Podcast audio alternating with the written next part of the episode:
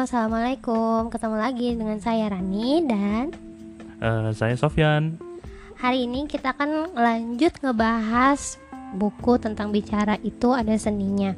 Kali ini tentang kualitas sebelum kuantitas. Pasangan yang tidak mengobrol 30 menit dalam sehari. Dalam percakapan, saya jarang mengobrol dengan suami. Dia seperti mengabaikan saya kalau kami bicara, pasti bertengkar, sehingga lebih baik kami tidak berbicara.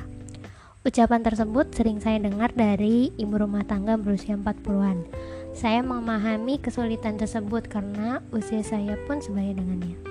Menurut laporan Kementerian Wanita dan Keluarga, waktu dialog antara pasangan usia parubaya 40 hingga 50-an adalah yang terendah. Sebanyak 34,4% pasangan berusia 40-an mengobrol kurang dari 30 menit dalam sehari.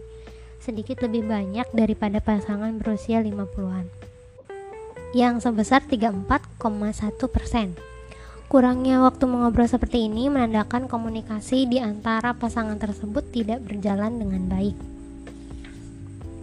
Dalam keluarga saya pun, waktu untuk mengobrol sangat sedikit saya mengajar di kampus, perusahaan, dan lembaga pendidikan, serta aktif di panggung-panggung seantero negeri, menjadi moderator dan penyiar dalam berbagai kegiatan.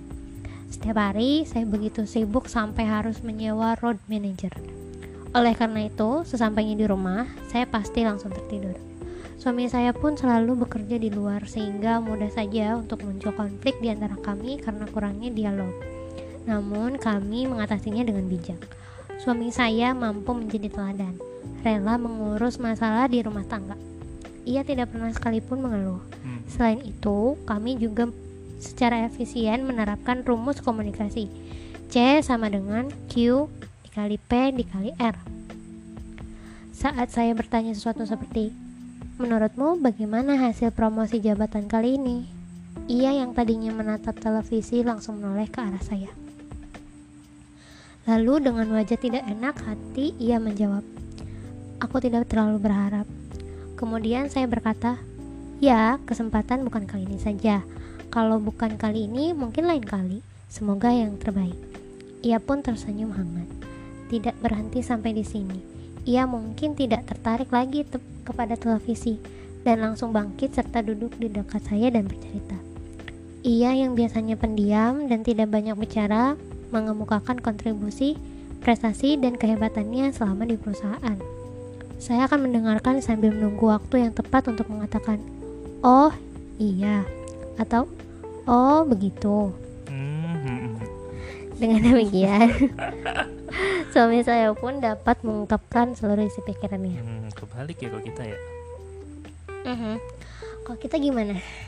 Kalau kita mm, ah, datang terus capek langsung diam terus ayang datang pengen diceritain. Terus aa mm, hmm, hmm. Hmm, hmm. Uh, satu sisi kalau yang kurasain ya sebagai wanita mungkin hanya aku doang atau nggak tahu sih yang lain. Uh, saat kita menceritakan sesuatu dengan excited. Sorry sorry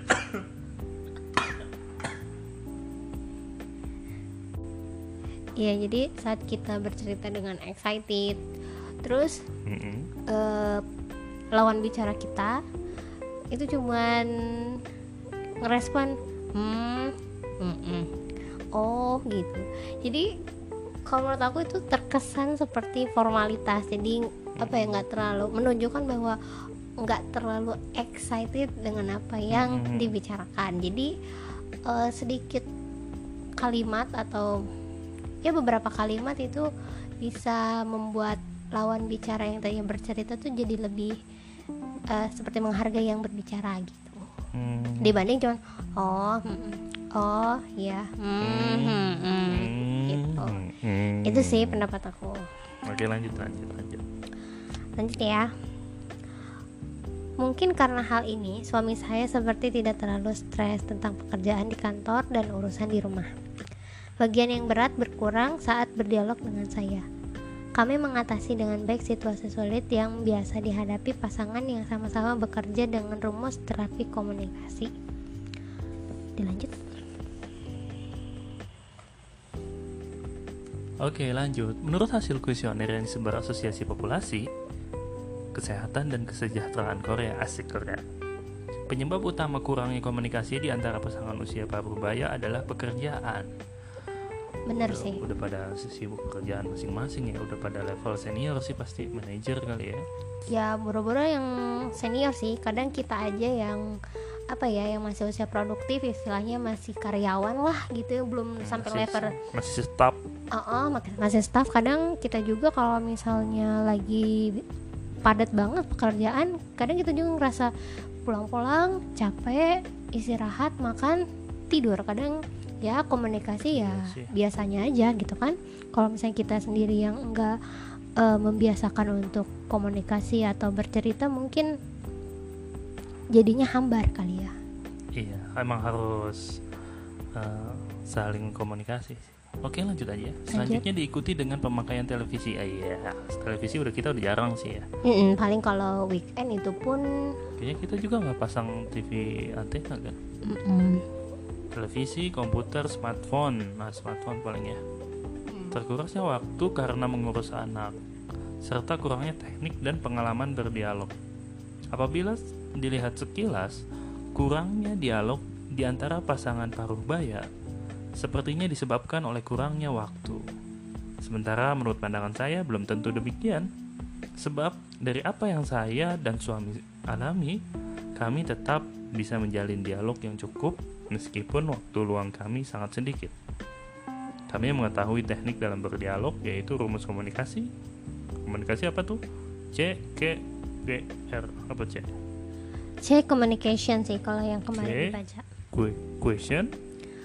Q-nya question P-nya P-nya kemarin itu apa ya lupa dan R-nya juga ada R-nya lupa di bab yang sebelumnya sih Nah, oke lanjut aja. Yang penting yang terpenting bukanlah waktu, melainkan kemampuan berdialog. Ini juga sih harus yang tepat. Ngomong tuh harus yang tepat gitu. Yang lalu Iya. mendengarkan juga harus sabar sih. mungkin contohnya saat kita lagi capek-capeknya Mhm. terus mau membicarakan sesuatu yang penting atau suatu permasalahan otomatis kan kalau misalnya lagi capek Mhm. mudah tersulut emosi kan jadi kadang Mhm. memilih waktu yang tepat itu ya bener ada benernya juga. Jadi untuk membangun suasana komunikasi yang eh, enak lah gitu. Jadi bisa berpikir secara dingin. Bener juga sih. Kemampuan yang berperan sebagai pelumas dalam hubungan suami istri yang bahagia sangatlah penting. Banyak pasangan yang mengalami kurang dialog lupa akan pentingnya teknik berbicara, bahwa berpikir bahwa masalah tersebut akan terasa ter- teratasi dalam seketika dengan meluangkan cukup waktu dan situasi tertentu adalah anggapan yang salah. Sebab dialog tidak akan mengalir dengan semudah itu.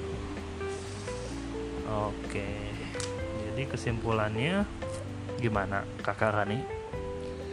intinya sih eh, komunikasi itu yang pertama pasti akan ada kendala ya yang pertama kalau misalnya kita masih di usia produktif otomatis eh, permasalahannya sama waktu. Tapi sebenarnya di dalam buku itu dibilang kalau sebenarnya masalahnya bukan tentang waktu sih. Maksudnya bukan nggak nggak sempet. Tapi gimana caranya kita Mhm. di waktu yang sedikit itu menyempatkan diri untuk selalu berkomunikasi. Intinya sih itu. Iya sih. Dalam waktu yang sedikit melihat celah untuk berkomunikasi dengan tepat sehingga komunikasinya bisa lancar. Emang Mm-mm. harus di ini sih apa sih? Diusahakan gitu ya. iya diusahakan dibiasakan dan eh, tahu gitu kapan sih waktu yang tepat untuk membicarakan A tahu kapan yang tepat untuk membicarakan masalah yang B intinya sih itu sih yang menurut saya kesimpulannya Hmm, Oke. Eh, podcast kita sampai di sini dulu. Oke nanti dilanjut untuk sesi berikutnya ketemu lagi dengan saya Rani dengan saya Sofyan. Terima kasih. dadah assalamualaikum warahmatullahi Waalaikumsalam.